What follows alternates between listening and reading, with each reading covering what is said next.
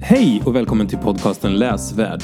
Med oss idag har vi Turell som ska berätta om Pojken på bergets topp av John Boyne. En mycket, mycket spännande bok och eh, det är ett jätteintressant samtal ni har framför er. Tack så mycket till Gustav som har hjälpt mig att fixa så att ljudet låter lite bättre. Och eh, ja, god lyssning.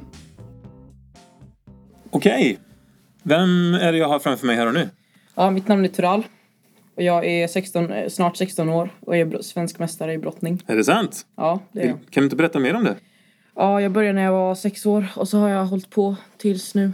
Okej. Vad häftigt. Nu ska vi inte prata så mycket om din brottarkarriär, men det är ju väldigt intressant. Kan du inte berätta någonting mer om dig? Eh, ja, vad ska jag säga mer liksom? Ja, jag har gått i denna skolan i nästan 3-4 år nu. Och det är mitt sista år. Sen är det gymnasiet som gäller. Okej, vad har du för eh, ambitioner för gymnasiet? Ja, mitt mål är såklart eh, välja teknikprogrammet och eh, bli programmist. Okej, coolt. Och eh, vad är det för bok du ska prata med oss om idag? Eh, jag ska berätta om boken eh, Pojken på bergets topp. Och den handlar, det är ändå en ungdomsroman som handlar om en huvudperson som heter Pierrot. Och han är då, han bor i Frankrike. Hans eh, far är tysk och hans mamma är fransyska då. Hans far är traumatiserad av första världskriget så han har också alkoholproblem för att han dricker det på grund av att han ska få bort alla dåliga minnen som han har. Men eh, en dag så blir, får Pierrots alltså, tillvaro bli upp och ner. Hans pappa dör. Eh, och hans, henne, hans mamma dör också på grund av en lungsjukdom. Och eh, Okej, vänta, vi stannar lite. Eh, vad, eh, det handlar om en pojke. Det utspelar sig då eh, mellan första och andra världskriget, mm, i 30-talet. 30-talet. Och hans mamma och pappa går bort. Vad händer sen? Sen därefter så blir han skickad åt eh, ett barnhem. Och eh, där, under en period så bor han i barnhemmet och eh, till slut så kommer en bekant och, eh, säg, och det är då hans faster. Som säger att ja, men jag tar med mig och så bor vi i Alperna i Berghof. Och eh, hon jobbar som hushållerska i då själva det här huset. Och det finns då en person som är då ledaren i huset och då är det då Adolf Hitler. Mhm. Så eh, Pierrot kommer. Han, får, han är tvungen att byta sitt namn på grund av att eh, Pierrot är ett franskt namn. Så han får byta till Peter. Och eh, del, dels som ett, det motsvarar sig en ny identitet. Och en ny övergång av ett nytt liv. Eh, och ju mer, han, ju mer närmare han kommer fram till Hitler, desto mer ondska får han i sig. Så från en, eh, från en vänlig och empatisk person så blir han till en, en, ond, en omänsklig och en eh, brutal person. Okej, vad är det som gör honom så omänsklig och brutal? Eh, på grund av att Hitler har gjort, eh, eh, på grund av att Hitler är en ganska hemsk person så får han all de onda krafterna från Hitler till Peter då. Okej, och hur, hur visar det sig i boken då? Vad är det för handlingar som, eller vad är det som händer i boken som gör att han blir sån? Eh, det, eh, det händer att först och främst att eh, han, gör, han gör eh, dåliga val helt enkelt. Han gör att folk går bort. Eh, han gör väldigt hemska val. Han, han, är så, han blir så kraftig, alltså han blir så, ska jag förklara? Han blir så, Pratar du om Hitler eller huvudpersonen? eh, huvudpersonen. Huvudpersonen, Ja. mm. Han, han blir så, han får sån stor makt så att han bestämmer över alla i huset nästan. Ah, okej. Även de som har hjälpt honom tidigare? Precis. Just det, jag förstår. Och vad, vad är det som gör det här till din favoritbok då? Eller till din bok du tycker om? Eh, detta börjar med att eh, alla, alla i min klass valde då en... Eh, vi, val, vi hade ett skolprojekt. Så vi skulle börja med första, andra världskriget och då hade vi som en början på den här boken. Så det här var vårt skolprojekt och jag tyckte om den här boken ju mer man läste om den. Eh, och jag bara, shit den här boken är helt fantastisk. Ju mer man läser om det desto, vill man, desto mer vill man veta. Så den här ligger topp ett i min eh, boklista om man säger så. Coolt. Jag känner inte faktiskt till den alls. Eh, vet du hur gammal den är ungefär? Eh, ja, den släpptes 2006. Mm. Så ja. Den är ganska ny. Ja, 14-15 år. Men är den riktad till barn och ungdomar i din ålder? Eller är den Ja, den är, det är en ungdomsroman så den är riktad mellan 13 till eh, 20 Okej. årsåldern. Vet du om den bygger på sanna händelser? Jag tror den bygger på sanna händelser för det, det här handlar om hur unga, men, hur unga barn påverkas av ett världskrig helt enkelt. Okej, så den här boken handlar om en ung pojke. Ungefär i din ålder. Eh, nej, tyvärr. Den här boken handlar... Eh, den här boken utspelar sig då när Piro är då 7-8 år gammal från början. Ah, okej. Men sen när han flyttar till eh, Berghof så blir han ungefär ja, 15-16 i årsåldern. Och då börjar han eh, som sagt ha en högre makt. Och eh, han blir då mycket mer, e- mycket mer eh, omänsklig och brutal och hemsk. Mm, just det. Men kan du... Kan man förstå varför han blir som han blir? Eller eh, förstår du min fråga? Jag, ja. Mm, ja, jag förstår. Ja. Eh, ja, jag förstår varför. För att alltså, han påverkas ju så- såklart mycket av Hitler. Så jag förstår han varför. Att han, han gör sådana här dåliga beslut. Men eh, jag, jag tror att han, han borde bestämt i sig själv. Liksom. Han kan inte bara lyssna på andra personer. Eh, så ja, jag förstår han på båda sätten. Finns det enkelt. något hot? Är ni rädd också för Hitler kanske? Eh, han, han är både rädd och eh, eh, ganska lite rädd, ja. Men på grund av varför han hänger med Hitler eh, ganska mycket är på grund av att hans eh, far är väldigt lik honom. Så, det, så han tänker att eh, Hitler är som min far. Så därför hänger han så mycket som möjligt med han för att känna sig hemma helt enkelt. Just det. Så han känner igen sin far i Hitler och därför så dras han till den här fadersfiguren som Precis. han inte hade. Precis, precis. Okej, så den tar upp lite sådana teman också Mm. som eh, att växa upp som, eh, som barn utan föräldrar och sånt. Ja, också. precis. Okej, vad intressant. Så att eh, det är liksom inte bara en, en rak berättelse utan det är Nej. också lite komplexa... Mm. precis. Kan du utveckla det lite mer kanske? Ja, jag kan säga så här att eh, varför jag säger att han är att han härmar eh, Hitler på grund av att jag säger att eh, faren.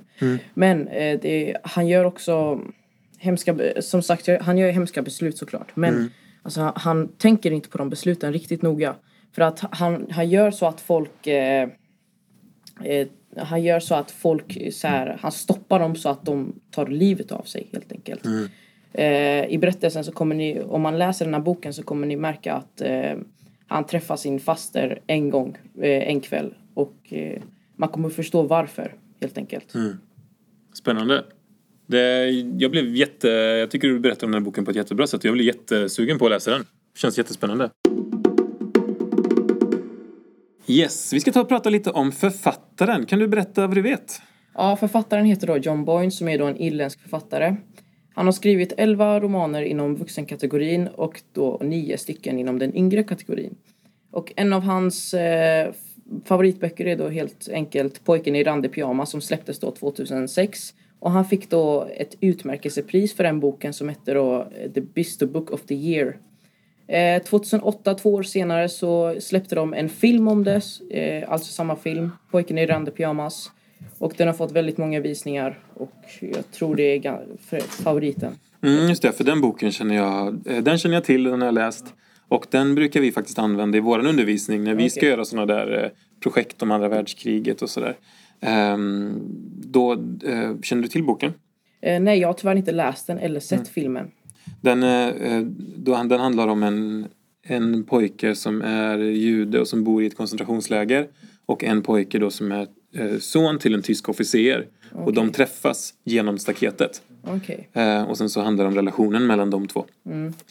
Ehm, Okej, så den här författaren då, bevisligen så skriver han en del om andra världskriget. Mm. Ja, och du trodde att det var lite sanning i det? Ja, ja, jag tycker det ja. Ja. Eh, de andra, känner du till några andra böcker? Kan du några titlar på några andra böcker? Eller är det, är det framförallt? Eh, nej, det är bara enda jag kan. Helt enkelt. Jag tänkte om det var så att de flesta av hans böcker har andra världskriget tema. Mm, okej. Ja. Nej, vi kan, ehm, ehm, vi, vi kan gå vidare därifrån. Um, tycker att man borde göra en film av den här? Eh, ja, jag tycker det. Varför inte liksom? För att eh, det är väldigt spännande att se det.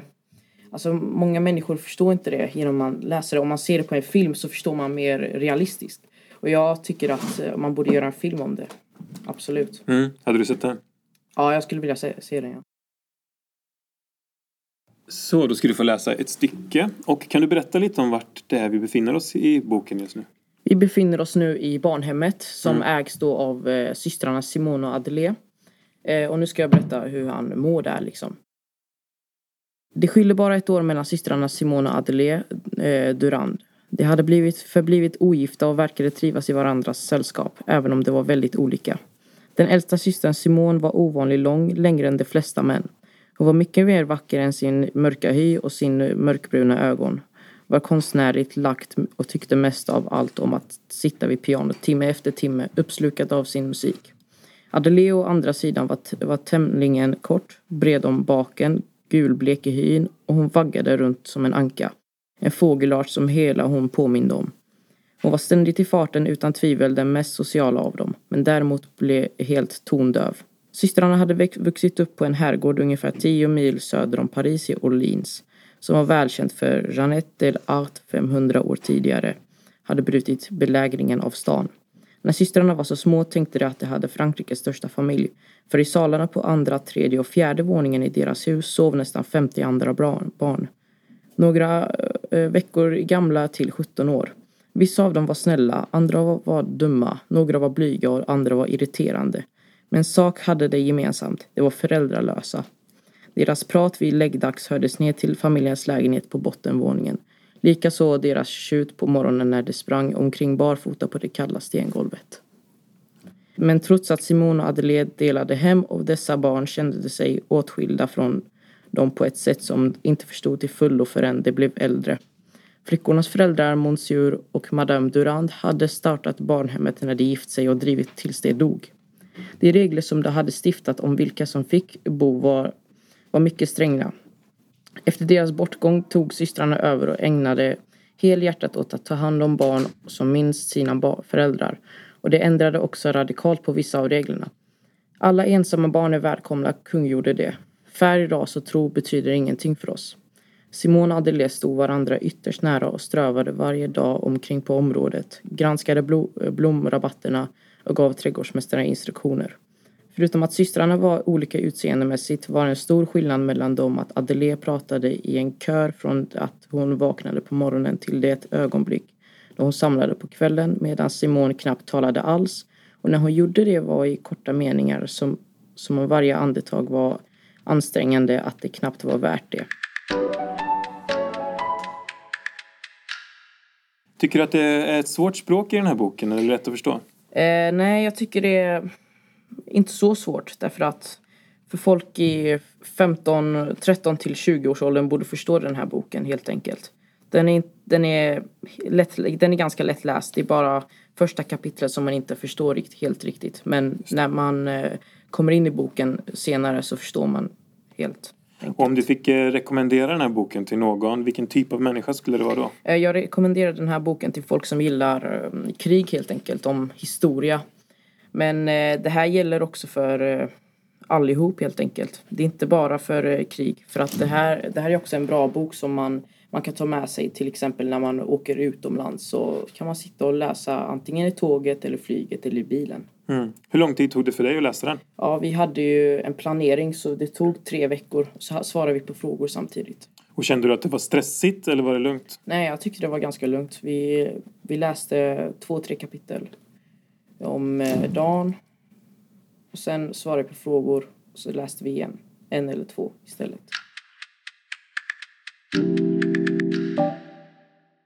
Okej, då ska vi ta och börja runda av. Ehm, du har alltså tipsat om John Boyne, Pojken på bergets topp. Är det någonting du vill säga som du inte har fått sagt här? Eh, jag kan säga så här att eh, jag rekommenderar verkligen den här boken. Den är en tia av en tia, så jag hoppas ni läser den allihop. Det var, vilket supertips. Tack så jättemycket. Tack själv.